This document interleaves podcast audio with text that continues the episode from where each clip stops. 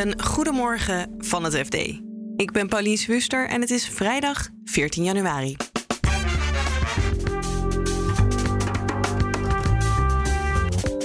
De huizenprijzen blijven maar stijgen. En het aankomende jaar gaan starters het niet makkelijker krijgen. Ondanks de ambitieuze plannen van het nieuwe kabinet. Ondernemers die komen in de knel door ons overvolle stroomnet bedrijven die een, een werkplaats hebben gebouwd en uh, nu niet uh, in bedrijf kunnen nemen, want er is uh, gewoonweg geen stroom. Ze krijgen geen stroomaansluiting. En we gaan het weekend in met de zoveelste corona-persconferentie, maar wel met de nieuwe zorgminister. Kuipers gaat plaatjes laten zien. Of dat verschil gaat maken, hoor je zo van onze zorgredacteur. Dit is de dagkoers van het FD. Weer een nieuw kwartaal en weer meldt makelaarsvereniging NVM dat de huizenprijzen met 20% zijn gestegen en het aantal te koop staande huizen daalde naar het laagste punt sinds 1995. Erik van Rijn schrijft voor het FD over de woningmarkt.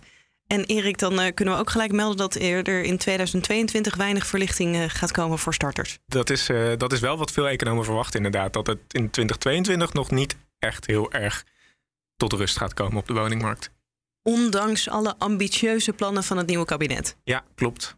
Een bouwproductie van naar richting de 100.000 en dan ook nog sneller. Ja, die plannen moet je natuurlijk maken. En voordat ze een keer uitgevoerd zijn, ben je een paar jaar verder. Tot die tijd blijft het een beetje, ja, voor toch voor veel mensen een beetje, een beetje sappelen. En blijf je met een, een best wel gespannen situatie uh, zitten. Wat de overheid uiteindelijk doet, is dat het belangrijkste? Of zit het meer in bijvoorbeeld financiële omstandigheden? En vraag en aanbod bepalen natuurlijk van de hoeveelheid beschikbare woningen. Uh, wat je kunt. Mm -hmm. uh, waarbij door dit kabinet vooral wordt gekeken naar de aanbodkant. Dus hè, we willen meer woningen bouwen, zodat mensen dat meer keuze hebben, zodat we kunnen voldoen aan de vraag van mensen, zodat mensen kunnen doorstromen. Uh, dit kabinet doet niet zo gek veel aan die vraagkant. Dus hè, hoeveel geld er naar de woningmarkt stroomt in de vorm van bijvoorbeeld de, leen, de hoeveelheid geld die je kunt lenen voor een hypotheek. Um, Hypotheekrenteaftrek? Ja, dat is een woord dat dus niet voorkwam in het coalitieakkoord. Ja. Wat toch wel verbazingwekkend was, omdat heel veel mensen hadden verwacht dat dat er wel af zou gaan. Omdat er misschien geen beter moment is om dat te doen dan nu. En omdat hypotheekrenteaftrek toch een soort subsidie is voor eigen woningbezitters, die mensen die een huis huren niet hebben. Dus die vraagkant is belangrijk. Ja, inderdaad, inderdaad, je zegt het al, zijn er natuurlijk tal van macro-economische omstandigheden die van invloed zijn op die huizenmarkt. En natuurlijk is heel belangrijk die hypotheekrente. Um, en die hypotheekrente is gewoon super laag. Nog lager dan 2% op dit moment uh, voor, uh, voor redelijk langlopende leningen. Het is niet de verwachting dat die dit jaar al enorm gaat oplopen. En dan is iedereen naarstig op zoek naar oplossingen. Er wordt nu veel geopperd om de ouderen te laten doorstromen, want die zitten in te grote woningen. Zie je daar een oplossing in? Dat is natuurlijk wel belangrijk, want het is natuurlijk een redelijk grote groep woningen. Maar ik vond het wel verbazingwekkend dat daar zo in één keer de Zwarte Piet naartoe werd geschoven. Van ja, als die ouderen nou eens allemaal.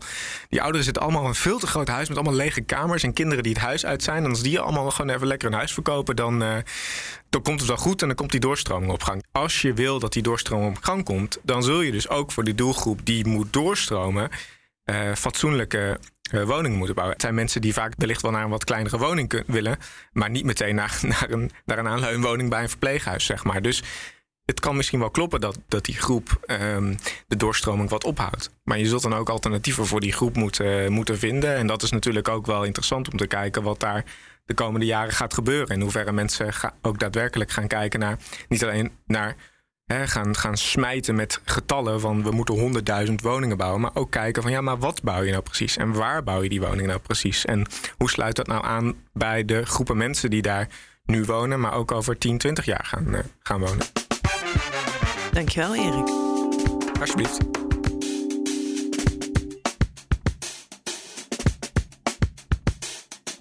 Het Nederlandse elektriciteitsnet kan de overstap van aardgas naar stroom niet aan.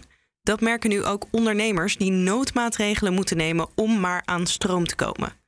Vertelt Orla McDonald, onze klimaatverslaggever. Dan krijg je echt wel schrijnende verhalen van bedrijven die een, een werkplaats hebben gebouwd en uh, nu niet uh, in bedrijf kunnen nemen, want er is uh, gewoonweg geen stroom. Ze krijgen geen stroomaansluiting.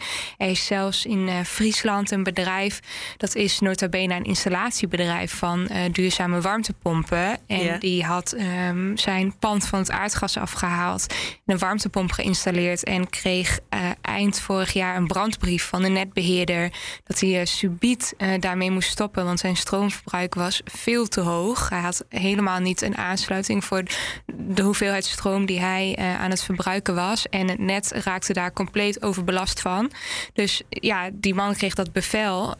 En hij heeft nu weer zijn oude pelletkachel op biomassa geïnstalleerd. En um, zijn warmtepomp uh, ja, teruggeschroefd, zeg maar als het ware uitgezet. Um, de elektrische auto's van zijn werknemers kunnen niet meer allemaal tegelijk laden. Het moet allemaal eenmaal in een schema. Dus uh, ja, het is wel uh, echt bizar als je die ondernemers hoort. Nou ja, ook omdat dat het voorbeeld is van waar we eigenlijk heen willen. Ja.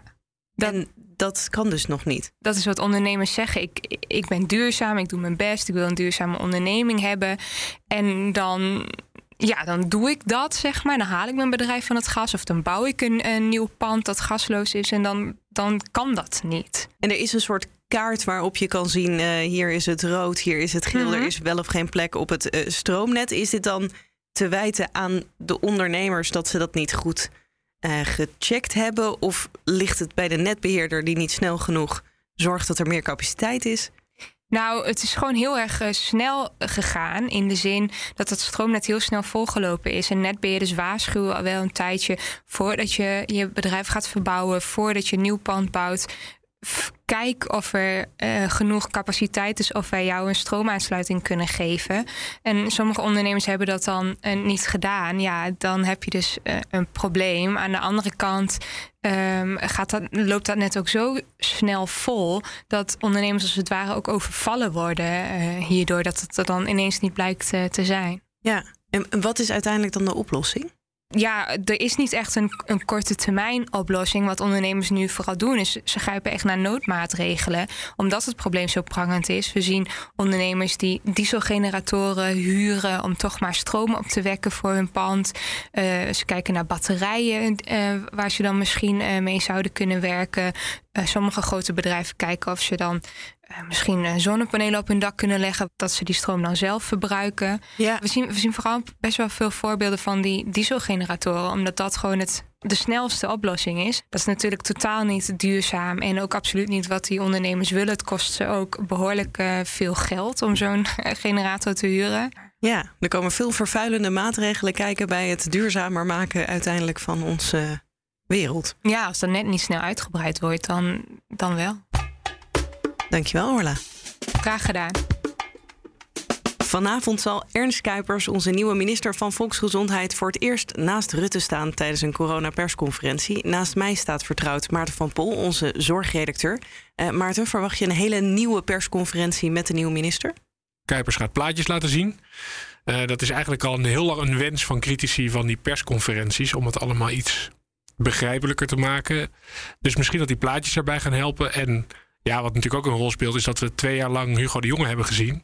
En nu staat er iemand anders. Dus dat gaat sowieso heel veel verschil maken, denk ik. Ja, en inhoudelijk verwacht jij een andere koers van hem? Ja, dat is wel interessant. Voor de kerst uh, is al beloofd eigenlijk of toegezegd de hele crisisstructuur, dat ze die eigenlijk een beetje los gaan laten. En dat uh, de besluitvorming rond corona wat meer volgens de normale gang van zaken in Den Haag gaat plaatsvinden. En communicatie uh, via zo'n persconferentie, zo'n ingelaste persconferentie, dat is natuurlijk ook niet regulier.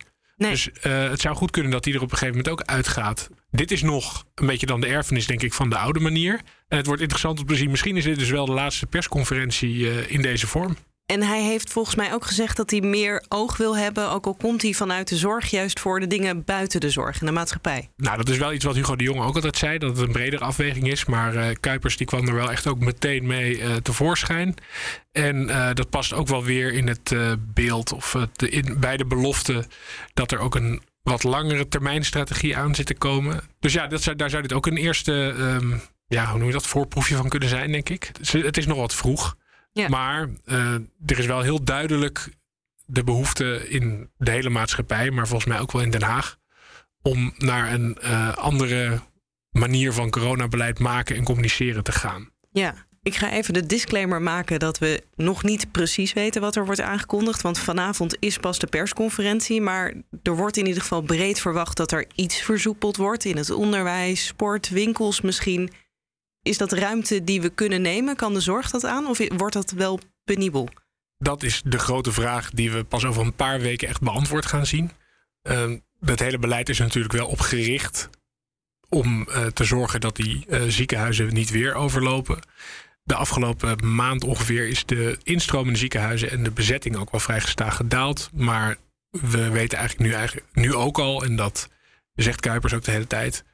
Met die enorm hoge besmettingscijfers die we nu zien, die gaat zich ook weer vertalen in meer opnames. Meer Ja. druk op de zorg. En dat is dan niet alleen in het ziekenhuis, maar, ook bij de huisartsen Ja. en ook in de thuiszorg. Ja, en, en hoe dat precies uitpakt, dat is heel erg moeilijk te voorspellen. En daarom doen ze dit dus ook wat voorzichtiger dan eh, bij eerdere eh, beëindigingen van hele strenge maatregelen. Ja, want dat was natuurlijk tot nu toe de kritiek en ook misschien weer nu een beetje de vrees dat je het opeens allemaal weer losgooit en dan gaat het mis.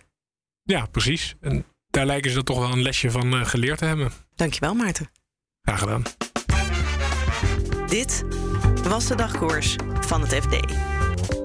Op fd.nl lees je meer over deze onderwerpen en volg je het financieel-economisch nieuws. Na het weekend, maandagochtend, is dagkoers weer te vinden in je favoriete podcast-app. Een heel fijn weekend en tot maandag.